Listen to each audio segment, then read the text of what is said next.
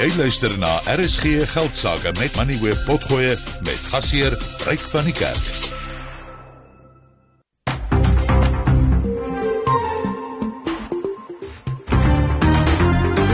Jy luister na RSG Geldsaake met Ryk van die Kerk.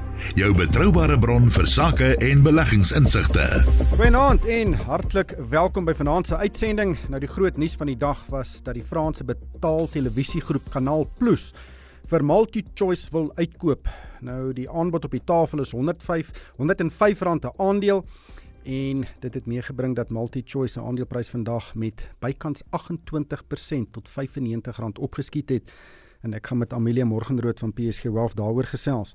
Ons gaan nou kyk na die munisipale owerheid in Richards Bay wat sy wat met sy hande in sy hare sit oor die 33000 vragmotors wat elke maand steenkool by die hawe gaan aflaai en in die proses ry hulle die paaie absoluut foos en die munisipaliteit wil nou 'n heffing van R30 per ton instel om uh, 'n bietjie beheer te neem oor wat daar gebeur en ek gaan met Chris Botha die onderburgemeester van die Umhlamtuzi munisipaliteit gesels.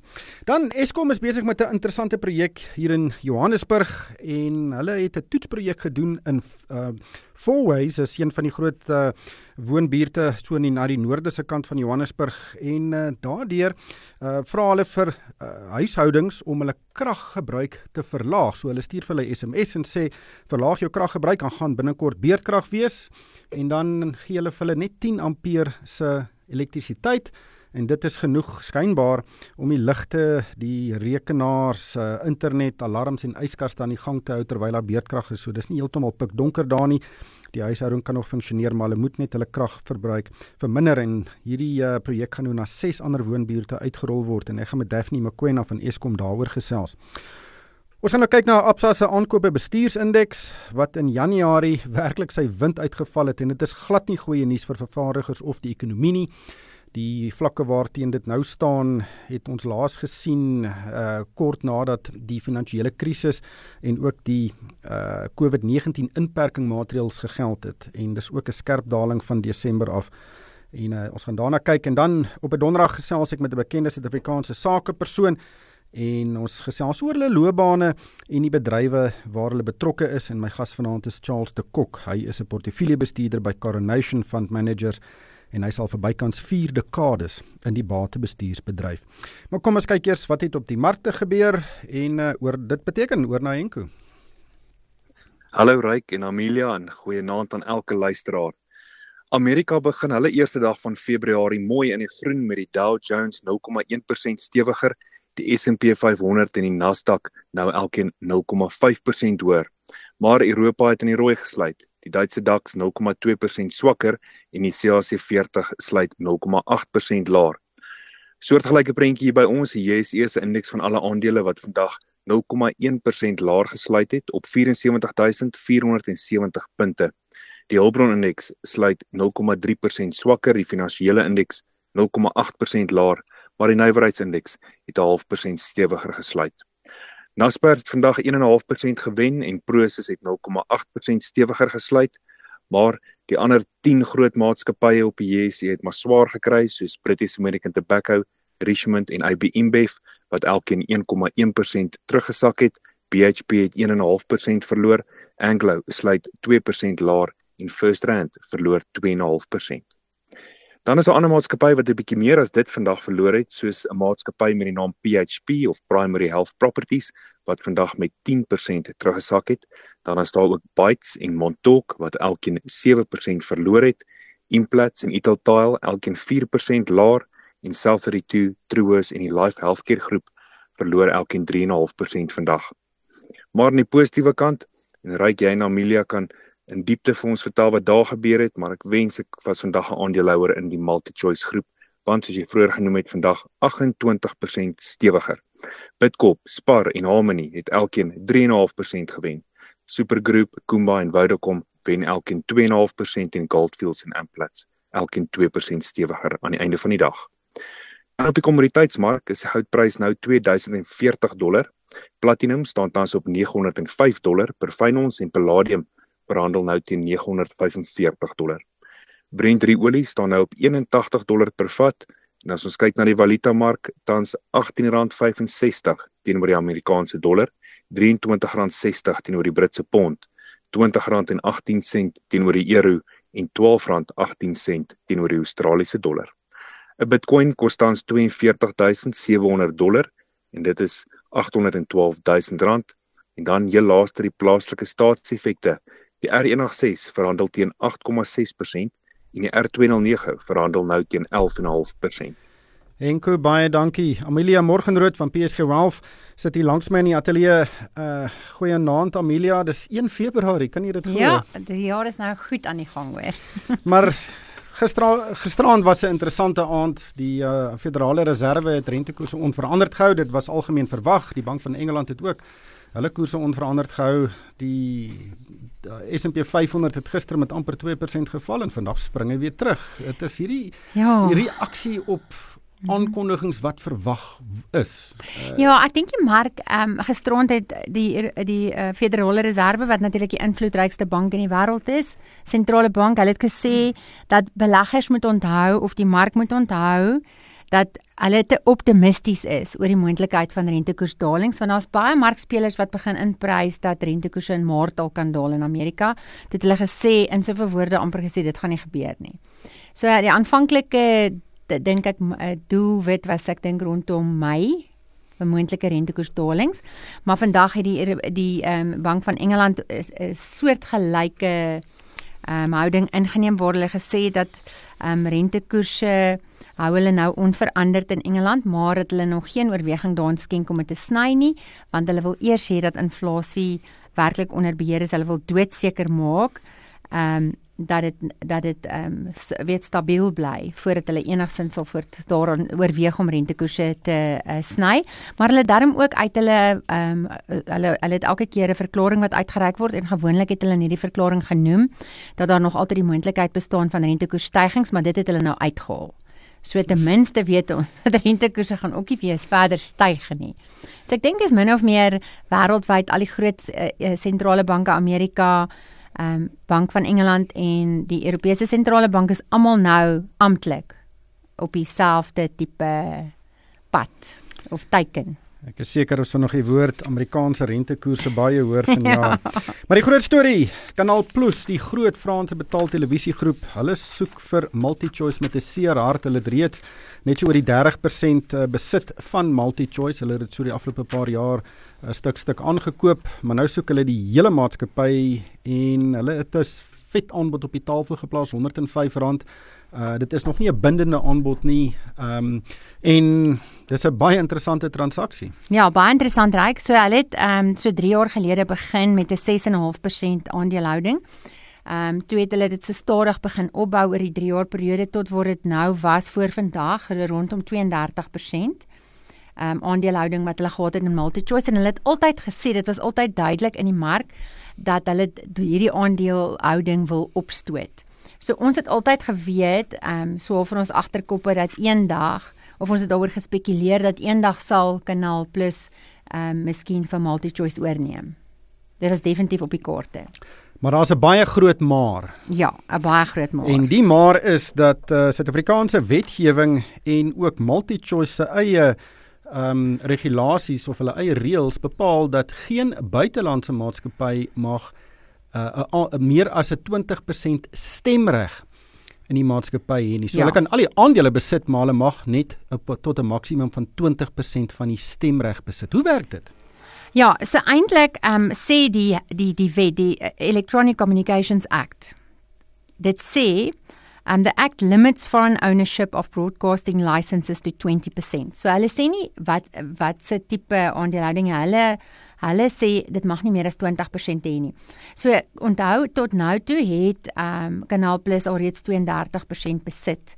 So hulle het alreeds met die owerhede bietjie kop gestamp en hulle het hulle strukture um so aangepas binne in Kanaal Plus dat dat die stemgeregtigde aandele minder as 20% is. So op daardie manier het hulle verby hierdie regulasie gekom tot nou toe met die uitsaai owerheid. Nou, hoekom Canal Plus dit natuurlik kon doen? Hulle was deel van 'n groot genoteerde groep Vivendi en hulle is uit ontbondel daar uit. So hulle het natuurlik hulle strukture so aangepas met die oog daarop om MultiChoice uiteindelik oor te neem. Want hulle wil die hulle wil 'n reuse speler in Afrika wees en hulle wil 'n aanbied, aanbieding bring na die Afrika mark toe wat ongekend en baie groot is. Ek is seker hulle het groot planne, maar jy wil nie 100% van 'n maatskappy besit en net 20% van die stemreg hê nie. So jy besit die ding maar jy het geen beheer daaroor nie. Dit is 'n groot probleem.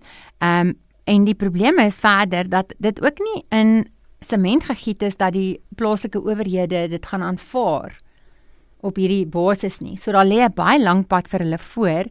Ehm um, daar is verskillende goed wat hulle ag verskillende hekkies wat hulle moet oorkom. ICASA natuurlik. Ehm um, die regulatoriese liggaam, hulle assesseer alle oornames en ehm um, on weet of of verkrygings in die kommunikasiesektor om te verseker dat dat dit voldoen aan alle media ehm um, diversiteit teikens wat daar basies gestel word in Suid-Afrika.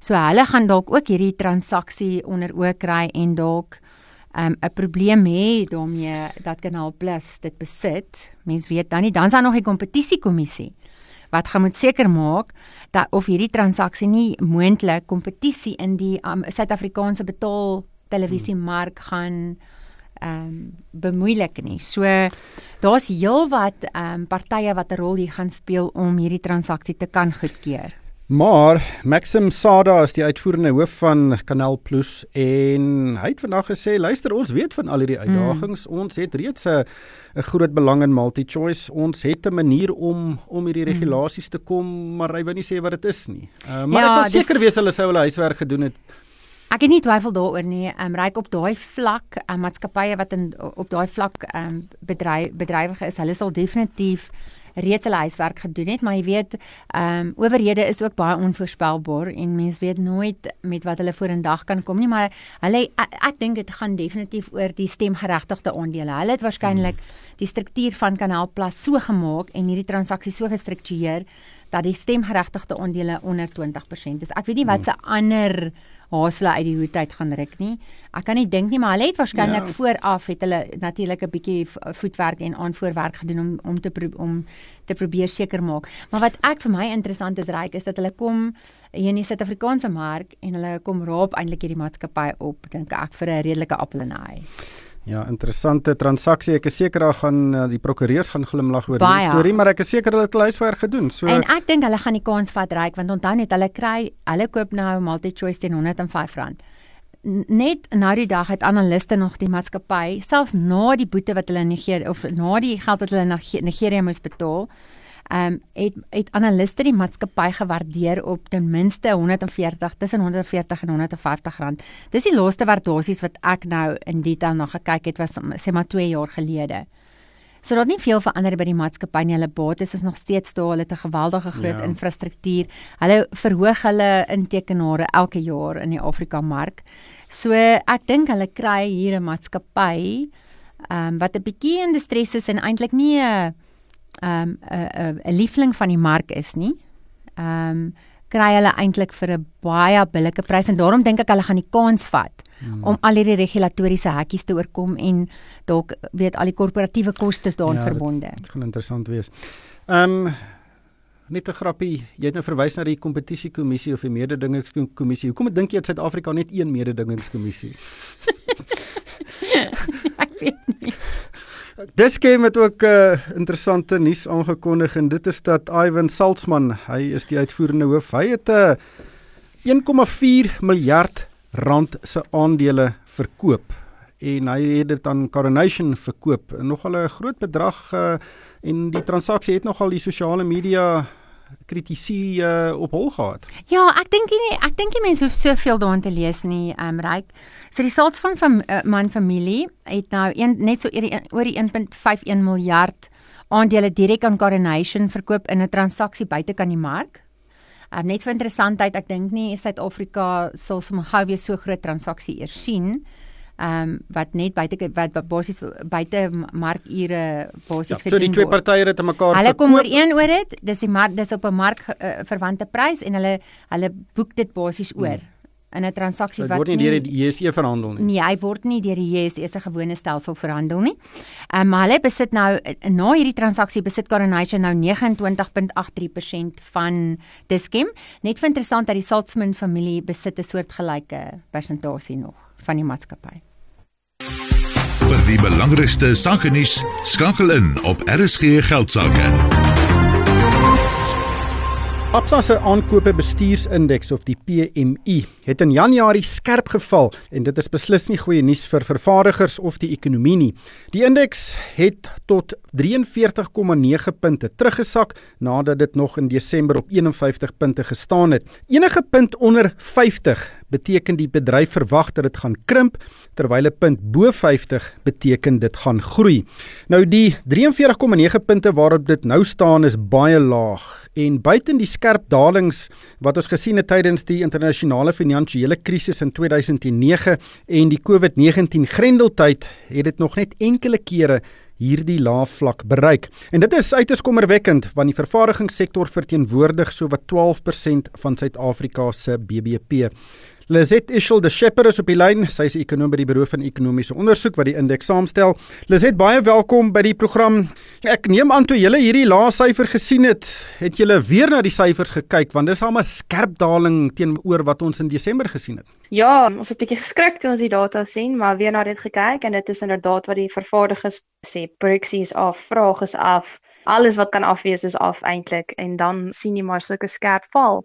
Dit is wel 'n baie teleurstellende data om so te sien aan die begin van die jaar, veral omdat vervaardiging eintlik 'n leidende sektor is en die PMI 'n leidende aanwyser behoort te wees. So as jy sulke skerp val sien in dit, dan meeste van die tyd filter dit deur na baie swakker data in die komende maande. 'n Leidende aanwyser is 'n aanwyser wat sê wat in die toekoms kan gebeur, so dit kyk vorentoe en dit is baie baie belangrik. Maar wat het gebeur? Wat is die redes vir hierdie skerp daling?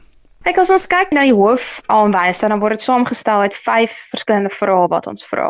En die twee wat ek dink die belangrikste storie vertel is produksie. Hy het geval na 37 punte wat baie baie laag is en dan het ons ook verkoopsbestellings wat ook net so rapsie bo 37 punte was. Ons het heelwat respondente gehad wat gesê het vraag is net baie laer as wat dit normaalweg is. So nie net laer in vergelyking met dalk nou Desember, maar laer as wat hulle normaalweg ervaar in 'n Januarie. Um, en ek dink dit is 'n groot deel van die storie. As ons kyk na voorrade byvoorbeeld, is dit ook af. En hierdie is nou voorrade van produkte of intermediêre goedere of enigiets wat hulle gebruik in die produksieproses. En oor die algemeen as daai voorraadvlakke laag is, dan is dit ook 'n slegte teken van produksie vorentoe. So eintlik na al die verskillende komponente is daar 'n negatiewe storie. Dis nie net een aanwyser wat die hele storie aftrek nie. Een van die dinge wat hier in Desember en in Januarie gebeur het is ons het groot probleme by Transnet se hawens gesien. En dit raak vervaardigers want hulle voer troumateriale in, verwerk dit dan weer en in baie gevalle word daardie verwerkte produkte weer uitgevoer. Het die hawens 'n uh, beduidende impak gehad op hierdie indeks? Ons vermoed so ja, ons vermoed dit is 'n rede hoekom die voorraadvlakke ook so laag is byvoorbeeld. Maar as ons kyk na van die kommentaar, is daar van die ouens wat sê hulle het beplan om te produseer, maar toe was die tekstiel wat hulle nodig om hulle klere te maak byvoorbeeld nie daar nie. So toe kan hulle nie produseer soos wat hulle dit wou doen nie. Dit maak seer aan die uitvoerkant, maar ek dink op die oomblik is dit veral die invoerkant. En ek dink ook van die myne sit nou met groot voorrade, voorrade wat hulle normaalweg sou uitvoer. So hulle produksie is nou nie so sterk as wat dit normaalweg sou wees. So vraag vir vervaardigde produkte van die mynbousektor is bietjie af. Dan weet ons die verbruiker is onder baie druk. Dis nou 'n storie wat mense seker nou al baie gehoor het, maar van al die kante word die sektor nou eintlik getref. Dit maak sin dat dit so swak lyk, maar dit was nog steeds 'n groot skok om te sien segmenteer julle die vervaardigers want binne die vervaardigingssektor is 'n baie baie subsektors. Ek dink hier aan die vervaardiging van klere, voedselverwerking, chemikalieë, staal ensovoorts. Is daar sekere van hierdie subbedrywe wat swakker of beter vaar as ander? In hierdie PMI tref ons nie onderskeid tussen verskillende vervaardigers nie. Ons probeer maar soveel as moontlik en soveel verskillende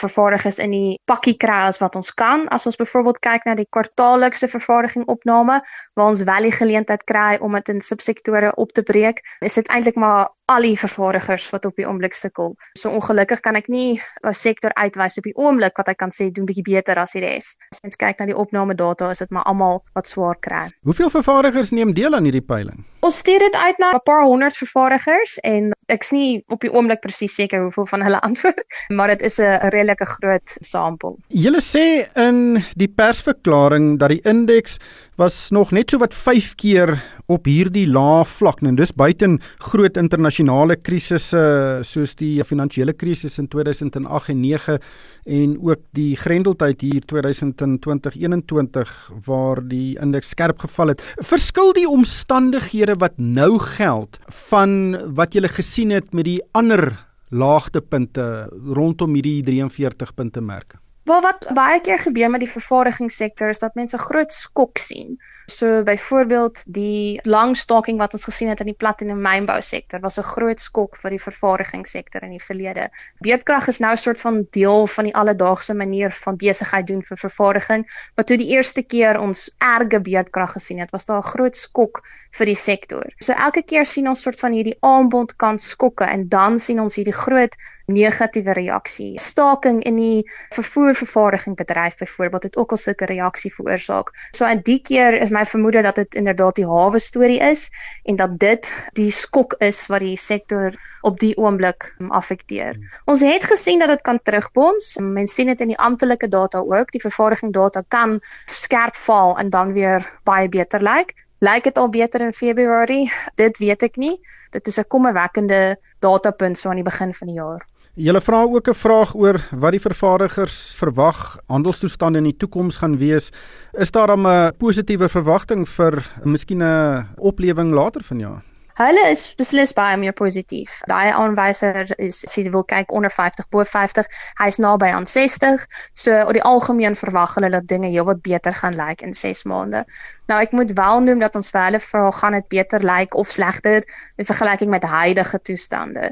So as die prentjie op die oomblik so swak lyk, dan sal jy tog hoop en verwag dat dinge oor 6 maande bietjie beter lyk. Maar hopelik is iets soos hierdie ergste van die hawe probleme dan verby, mag die verbruiker in Suid-Afrika se bietjie sterker wees. So is dit inderdaad meriete om te sê dat oor 6 maande dinge bietjie beter lyk, veral vergelyking met die huidige swak toestande. Lizet, dankie vir jou tyd. Dit was Lizet Ishel de Shepherd, sy is 'n ekonom by die Buro van Ekonomiese Onderzoek. Daar is geen geld sake met Moneyweb. Elke week saam tussen 6 en 7. Eskom is besig om 'n nuwe projek in Gauteng uit te rol wat dit vir inwoners moontlik sal maak om gedurende vlak 1 tot 4 beerdkrag sekere toestelle te gebruik. Dit volg nadat Eskom verlede jaar 'n toetsprojek in Fourways in Johannesburg voltooi het. Daar's nou 6 ander woonbuurte in Johannesburg wat nou geteken gaan word en hulle is Bekloo, Kelvin, Pulshof, Mabre, Sunninghill en Waterfall. Eskom sal huishoudings se uh, ure wat voor beerdkrag inskop daarvan laat weet en dan moet hierdie huishoudings hulle elektrisiteitsverbruik verminder. En dan sal Eskom die vloei van die elektrisiteit na die huise toe tot net 10 ampere verlaag en dit is skynbaar genoeg om uh, steeds die huise ligte, rekenaars, internet, alarms en yskaste aan die gang te hou. As die huishouding nie die kragverbruik genoegsaam verlaag nie, word die krag dan vir 30 minute afgesny En uh, vir hierdie stelsel om te werk, moet verbruikers uh, en huishoudings 'n sekere slimmeter hê. Daphne Mokoena is op die lyn, sy is Eskom se bedryfs- en instandhoudingsbestuurder. Daphne, thank you so much for your time tonight. What is the background of this project? Uh, good evening, uh, Rick, and good evening to your listeners. Um, so, yes, we are in, um, implementing this load limiting as uh, you would have known. Uh, couple of months ago when we started with the uh, pilot in Fourways. Um, we were actually trying to see if this project would work. As you would know that uh, we understand that load shedding is indeed affecting our customers negatively. So this is one initiative in uh, from our one of obviously those initiatives that we we had brought into you know the into our space to um, as part of our short to medium term um, mm. uh, initiatives to try and help customers obviously to reduce the impact of load shedding as you would know that other than demand side management, we're also doing the uh, the generation recovery plan, uh, which obviously we have also announced that we did uh, bring back Kusile Unit 5 and we also brought back the three units at Kusile, which yeah. is also part of the bigger bigger plan. Yes. Uh, what mm-hmm. was the reaction or the um, uh, or how did households in Fourways reduce their electricity usage? Did they get it down so, to below 10 amps? Yes. Yes. So, so what happens is because we we we did embark into a project some years back where we installed about 31,000 uh, smart meters around Sandton, including Fourways and Midrand. So based on the fact that obviously they, these customers have smart meters, now what happens is that uh, obviously we can interrogate that meter. Um, so basically during load shedding, we can send a signal to those customers to reduce load uh, because we would have uh, reduced their load to 10 amps. I mean, uh, yeah, to 10 amps. So we would also encourage them or send them a message just before when they are scheduled to be load shed that they must reduce, you know, to uh, or switch off uh, appliances like your, you know, your intensive uh, high usage uh, uh, uh, appliances like your your geysers. So once they have done that, because we would have reduced remotely their load from 60 amp or 80 amp, depending on what the customer is using, to 10 amp via interrogating this this um, smart meter. So if if a customer doesn't uh, switch off his um, geyser or her geyser or whatever that is uh, uh, um, using a lot of electricity, then obviously that the meter will trip or the breaker will trip, and it will do that three times. And the fourth time, obviously, then it will take about 30 minutes before it can mm. uh, be switched back on. But obviously, if the customer still doesn't switch off, then obviously the the, the breaker uh, would obviously be um, uh, switched off, or or that customer would then experience load shedding in that mm. period, where, which is two hours of load shedding. Are these customers Eskom customers? Does Eskom supply electricity directly to them, or is City Power also in the mix? Because Joburg is big, and Eskom does not deliver or um, offer electricity to uh, uh, directly to to, to many, uh, probably the most suburbs in the in the city. So this is only Eskom uh, uh, uh, Eskom customers that we are supplying directly. For an example, in Riverside, because it was the, remember we started with a pilot in four weeks, then we then, um, somewhere late last year, we then um, started at Riverside View, which is when you combine the two uh, areas, we, we are talking about uh, 12,600 customers. So now we are rolling out to more areas within uh, Joburg where we are supplying as you correctly said, that uh, it's we are basically um, uh, implementing this to our customers. So we, the, the, I know that you mentioned, and even in our statement, you mentioned six six areas, but we are looking into by the end of the month to have done about 12 areas, which is about 20,000 or 21,000 customers, in addition to the 12,000 that we have done in Fourways and River, Riverside. Will it be? Will this project or this initiative be rolled out nationally? Yes, yes. The intention is to roll it nationally. In actual fact, uh, we are in preparation to ensure that we are uh, rolling it nationally so that uh, all our customers who have smart meters can benefit from this load limiting. Daphne baie dankie vir jou tyd vanaand. Dit was Daphne Makwena, sy is van Eskom. Soek jy sake, finansiële en beleggingsnuus aan jou vingerpunte? Laai dan Moneyweb se slimfoon toepassing af. Dit is die maklikste manier om op hoogte te bly van nuus uit die sakewêreld, meningsstukke om te interpreteer en ook die jongste markaanwysers. Jy kan ook regstreeks na alle RSG geldsaake uitsendings luister of later na die potgoeie van die onderhoude gaan luister. As jy finansiële raad nodig het, kan jy ook deur die toepassing by van die beste finansiële adviseurs in die bedryf uitkom alles op een slimfoon toepassing. Dit is heeltemal gratis. So laai dit sommer nou van die Apple App Store of Google Play Store af. RSG Geldsaake met Moneyweb, jou betroubare bron vir sake en beleggingsinsigte. Daar is groot probleme in Richards Bay waar honderde vragmotors langs die N2 snelweg en in die dorp staan en wag om steenkool by die hawe af te laai. Nou ek is seker luisteraars het al video's gesien van hierdie lang ry vragmotors wat so langs die snelweg staan. Nou skynbaar lewer so wat 33000 vragmotors elke maand steenkool by die hawe af en dit uh, veroorsaak nie net verkeersprobleme nie, maar uh, dit rig ook geweldige skade aan die paaie in die munisipale area aan. Die Umhlatuzi munisipaliteit het egter nou 'n fooi van R30 per ton ingestel in 'n poging om die druk op die infrastruktuur te verlig en dit in stand te hou. Christo Botha is die onderburgemeester van die munisipaliteit. Christo, baie welkom by die program. Skets net eers vir ons 'n prentjie van die omvang van die probleem. Tot watter mate ontwrig die vragmotors die sakebedrywighede uh, in die dorp en en ook mense se lewens daar?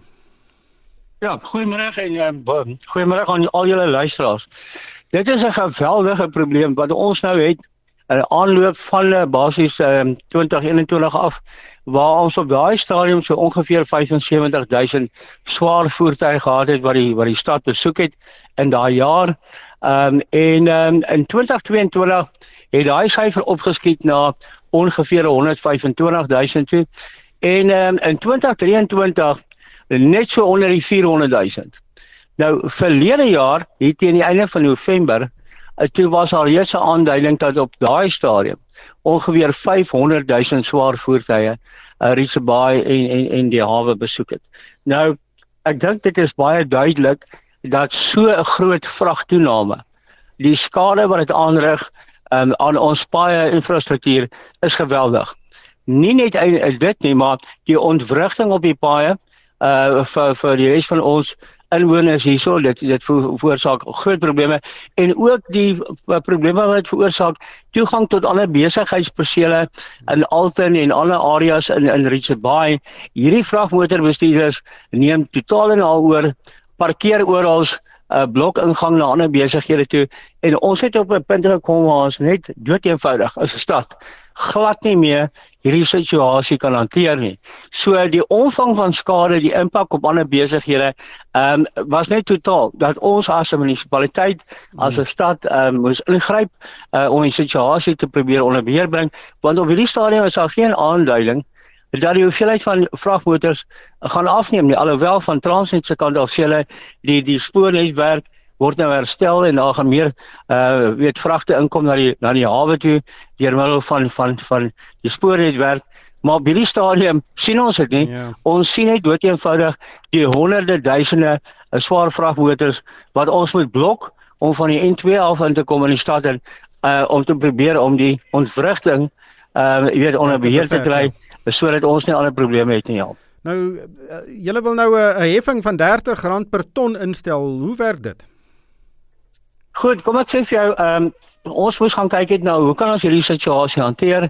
Uh weet tot die beste belang van ons stad en sy inwoners en ons het besluit ons moet kyk na die totale in en uitvoer van enige produk uh van die hawe af. So enige produk wat gehaal word by die hawe met 'n vragmotor of enige produk wat by die hawe afgelaai word met 'n vragmotor. En dit sluit natuurlik die spoornetwerk uit. Daar moet 'n heffing geplaas word per ton op elke liewe een en enkele van daai ehm um, kommoditeite.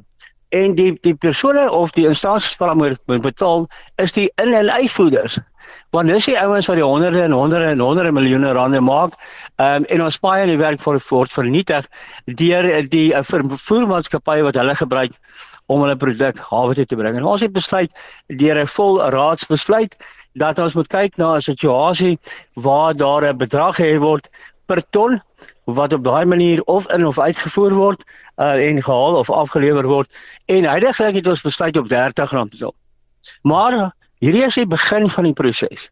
Want ons kyk na Transnet, 'n deel van ehm um, hulle ehm um, konstitusie maak wel voorsiening dat hulle as 'n uh, ehm um, invorderingsagent kan optree. Maar ons besef daar is 'n klomp ander hmm. belanghebbende instansies wat gekontak moet word en ons is besig om te kyk wat is die beste ja, wat ons op 'n publieke deelname situasie kan gaan ja. Ja kyk, is een ding om 'n uh, so besluit te neem om dit te doen. In Suid-Afrika gebeur dinge baie stadig. Uh is hierdie ehm um, versoek of hierdie besluit wat julle geneem het iewers in 'n regulatoriese proses dat dit goed gebeur, goedgekeur kan word en en deur hoeveel hoepels gaan julle moet spring om dit reg te kry? Ja, nee, kyk ons ons is onder geen man indruk dat hierdie nou 'n baie maklike proses gaan wees nie. Ons is nou deur die hele kom ons sê die beginproses, maar ons uh, gaan nou moet begin um, om um, publieke deelname te bewerkstellig met met alle belanghebbers. Uh, in hierdie proses kan kan 'n paar maande neem.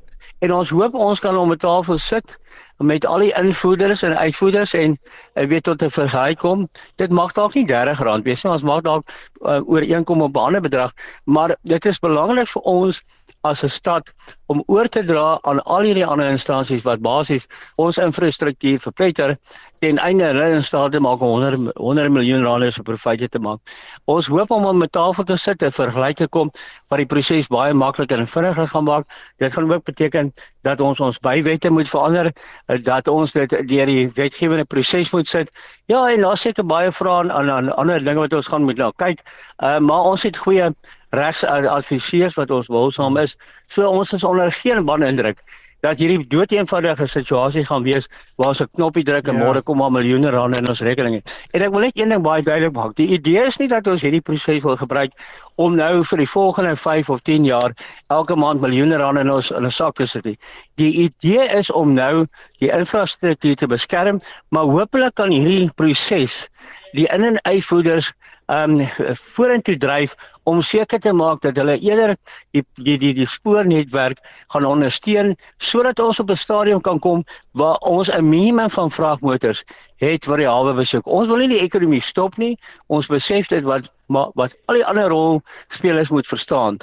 Ons het 'n geweldige impak op ons infrastruktuur. Nou, ons kan nie daai koste afdwing uh op ons inwoners nie. Dit is nie hoe dit werk nie, dis nie regverdig nie. Christen net kortliks, daai paaie word flenters gery. Wie moet dit regmaak? Is dit belastingbetalers van Richards Bay? Uh ja, jy weet op hierdie stadium kyk ons na paaie wat wat sit ehm um, jy weet onder die nasionale of provinsiale ehm um, die die die, die departement van van van van vervoer.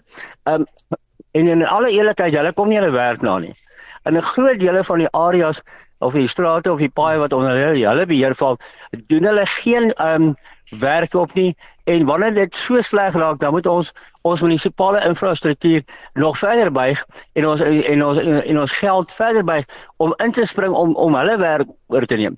Want daar is geen samewerking van die departement van vervoer af nie. Hulle kom nie hulle verpligtinge na nie. Hulle sê dood eenvoudig terug. En hierdie hele probleem word die stad se probleem. Hmm. En heiliglik ja, in gevalle word die die die die die uh, belastingbetalers uh, moet hierdie las dra ja. en ons het net besluit iewers moet daar 'n punt aangesit word. Ons kan nie so aangaan nie. Christo, dankie vir jou tyd vanaand. Dit was Christo Botha, hy is die onderburgemeester van die Oomsluituzi munisipaliteit. Uh Uh Amelia, kan jy jouself indink 500 000 ja. vragmotors? Weet daar is dis meer as 5 maal meer as wat hulle aan gewoond is. Dis ongelooflik. Ek kan nie besef is so erg nie. Ek bedoel ons het nog nie hy syfers gesien nie. Hy sien ek bedoel daai wat hy nou gesê dat dit hulle teen November duidelik was dat dit 500 000 vragmotors is wat die wat die dorp deur die dorp gery het verlede jaar. Jo, dit is ek dink is dis baie meer as wat ons almal gedink het, né? Mense besef nie dat ehm um, dat die uh, mense kan amper nie dink dat Sanral ja dat dit so groot impak kan hê nie, né? Veral as jy ja. nou kyk van 2022 na 2023 se syfers. Dis 'n dramatiese verskil. Daar is ook aantuigings dat die spoorlyne gesaboteer word sodat die padkontrakteurs mm. gebruik word. Ehm um, ja, dit is 'n geweldige probleem en mm. en, en hopelik kan die nuwe leierskap by Transnet dan iets aan hierdie probleem probleem doen. As ek in Richards Bay gebly het, sou ek Ja, en die ergste is ryk mense kragwoorde elke dag gebruik. Het. Hoe gaan hulle so 'n tipe heffing afdwing? Ek weet nie hoe hulle dit regkry nie. Hoe lank gaan hulle vat om so iets deurgedruk te kry iewers by wat op 'n wetgewing waar wie gaan dit hef teen wie op watter manier? Ja, ek dink dit gaan so maklik wees nie. Besoek RSG Geldsaake se Facebookblad en kom ons gesels. Dis donderdag en dit beteken ek gesels weer met 'n sakepersoon en ons gesels oor hulle loopbane en ook die bedrywe en organisasies waar hulle betrokke is. My gas vanaand is Charles de Kok. Hy is tans 'n portefeuljebestuurder by Coronation Fund Managers en hy is al vir bykans 4 dekades in die batebestuursbedryf. So hy's werklik 'n ou hand. Nou hy is reeds sedert 2005 by Coronation nadat hy vroeër by Old Mutual Beleggings was en hy was ook vir 7 jaar lank 'n lektor in ekonomie aan die Universiteit van Pretoria. Charles, baie welkom by die program. Die batebestuursbedryf is 'n baie moeilike bedryf. Daar is baie hoogtepunte vir batebestuurders, daar's ook baie laagtepunte. Maar voor ons daaroor gesels, waar kom jy vandaan en oor watter loopbaan het jy gedroom toe jy nog jonk was? Wie jy, ek het nie vreeslik baie drome gehad nie. Ek het maar so geëindig in die batebestuur besigheid. Ek het ekonomie studeer my pa was ook 'n ekonom gewees en dan was my altyd oor ekonomie, makro goeders, landsaake, rentekoerse, inflasie en dis meer gesels in die huis en so dit is maar so deur 'n proses van osmose belang gestel daaraan.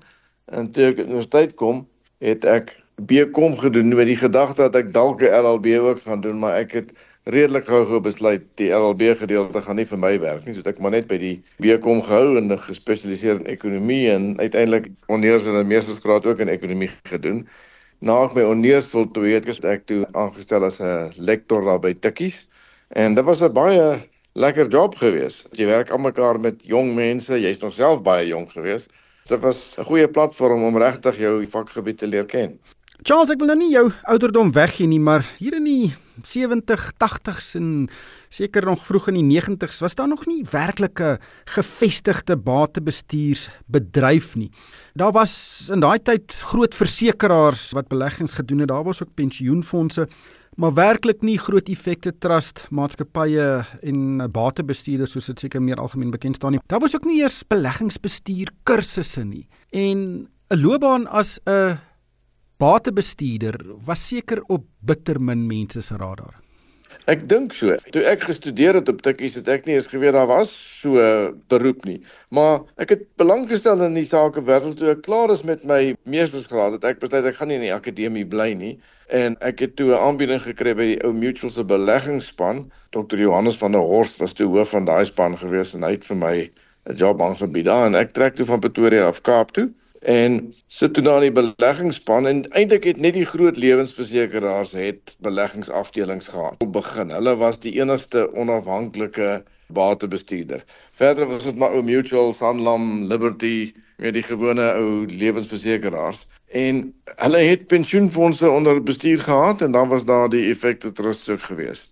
Maar die hele industrie met al die onafhanklikes insluitende my eie firma nou Coronation het toe eers baie later ontwikkel. Ja, ek dink daai dae was die polisse ook nog die groot ding. Jy koop 'n versekeringspolis en daardie generasie produkte was baie duur, maar die bedryf het baie verander.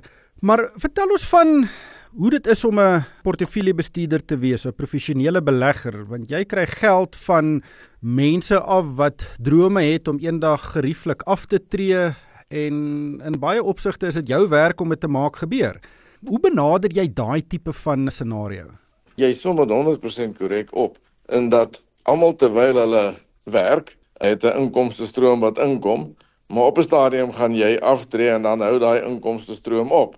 En dan moet jy genoeg weggesit het sodat jy in jou aftree jare 'n lewenstyl kan handhaaf wat dan redelik is. Nou wat jy moet doen is met ander woorde daai spaargeld wat in jou pensioen hoofsaaklik gaan as jy 'n pensioenfonds het wat ek hoop meeste mense het, anders moet jy vir jouself bespaar maar daai besparings moet beter as inflasie doen. Dis die groot sleutel, is jy moet jou potjie geld wat jy wegsit moet almekaar groei sodat wanneer jy eendag aftree en jy leef dalk nog 20, 25, miskien selfs meer jare na jy afgetree het, moet daar genoeg wees om van te lewe. En die taak van ons portefeuljebestuurders is om daai spaargelde te groei, standhoudend te groei oor tyd met meer as inflasie. Ek dink ons doen die samelewing 'n baie groot guns as jy dit reg kry, want dit neem 'n reuse las van die staat af as mense vir hulle self kan sorg in hulle ou dae. Hoe moeilik is dit om dit reg te kry? dit is nie maklik nie. Kyk, jy moet berekende risiko's neem. As jy net jou geld onder jou bed bære of net in die bank bære en jy kry net renteinkomste, dis baie selde dat jy na belasting met 'n renteinkomste inflasie gaan klop dit behoort jy nie te doen nie. Dis een goeie ding om te spaar, maar daai sparings moet vir jou werk.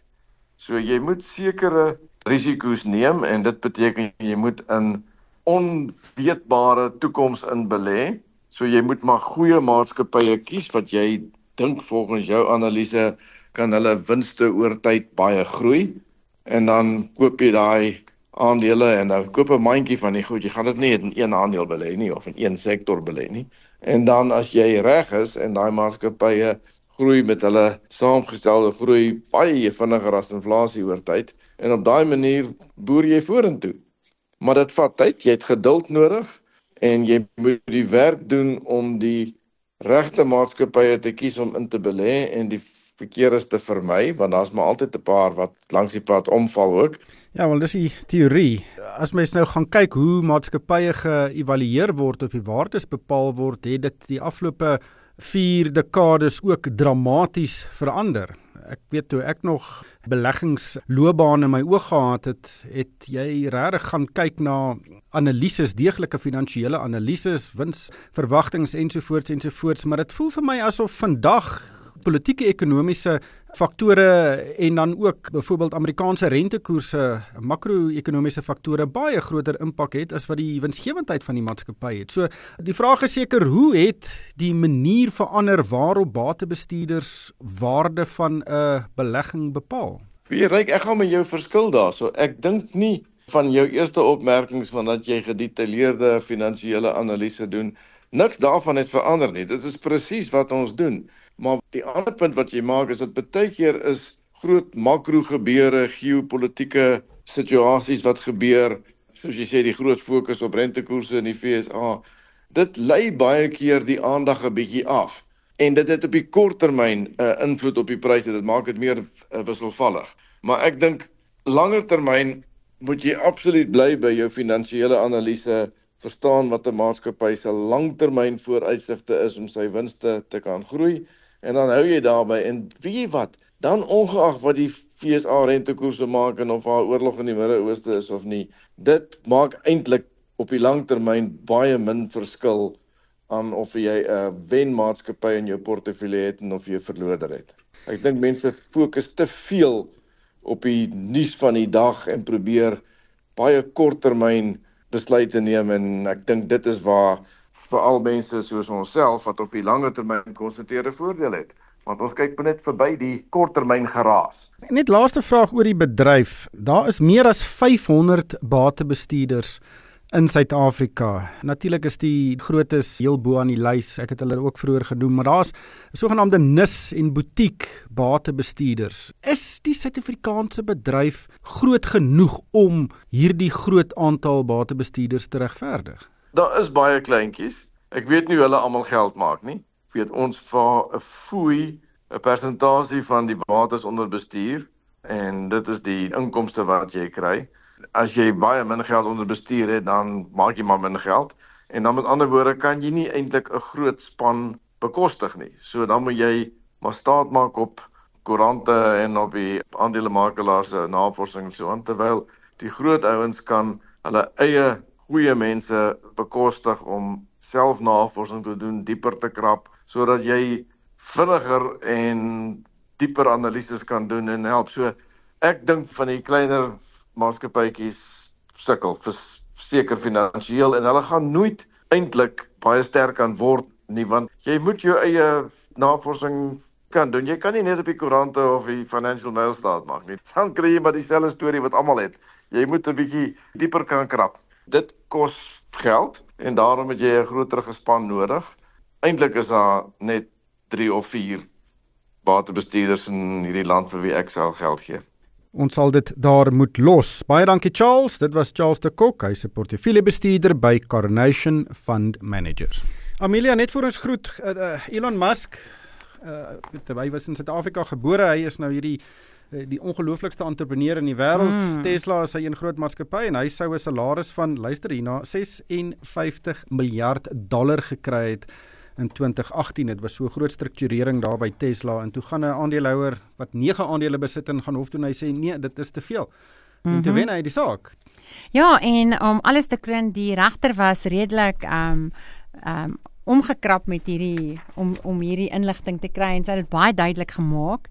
Kathleen McCormick dat sy definitief ehm um, nie nie gelukkig is met die tipe geld wat hy sou verdien nie.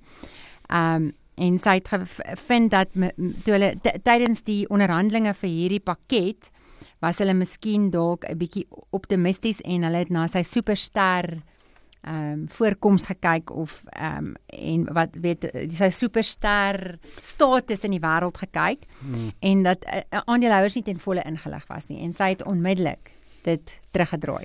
Ja, en uh, Elon Musk is ook vies uit op uh X nogal sy mond uitgespoel. Ons hulle daar moet los. Ja. Ehm um, Amelia, dankie vir jou tyd. Dit was Amelia Morgenrood van PSG Wealth en daarmee groet ons van my ryk van die kerk en die Moneyweb span. Dankie vir die saamluister. Jy het geluister na RSG Geldsaake met Moneyweb Potgoe elke weeksdag om 7 na middag. Vir meer Moneyweb Potgoe, besoek moneyweb.co.za of laai die toepassing af en volg Moneyweb News om dagliks op hoogte te bly.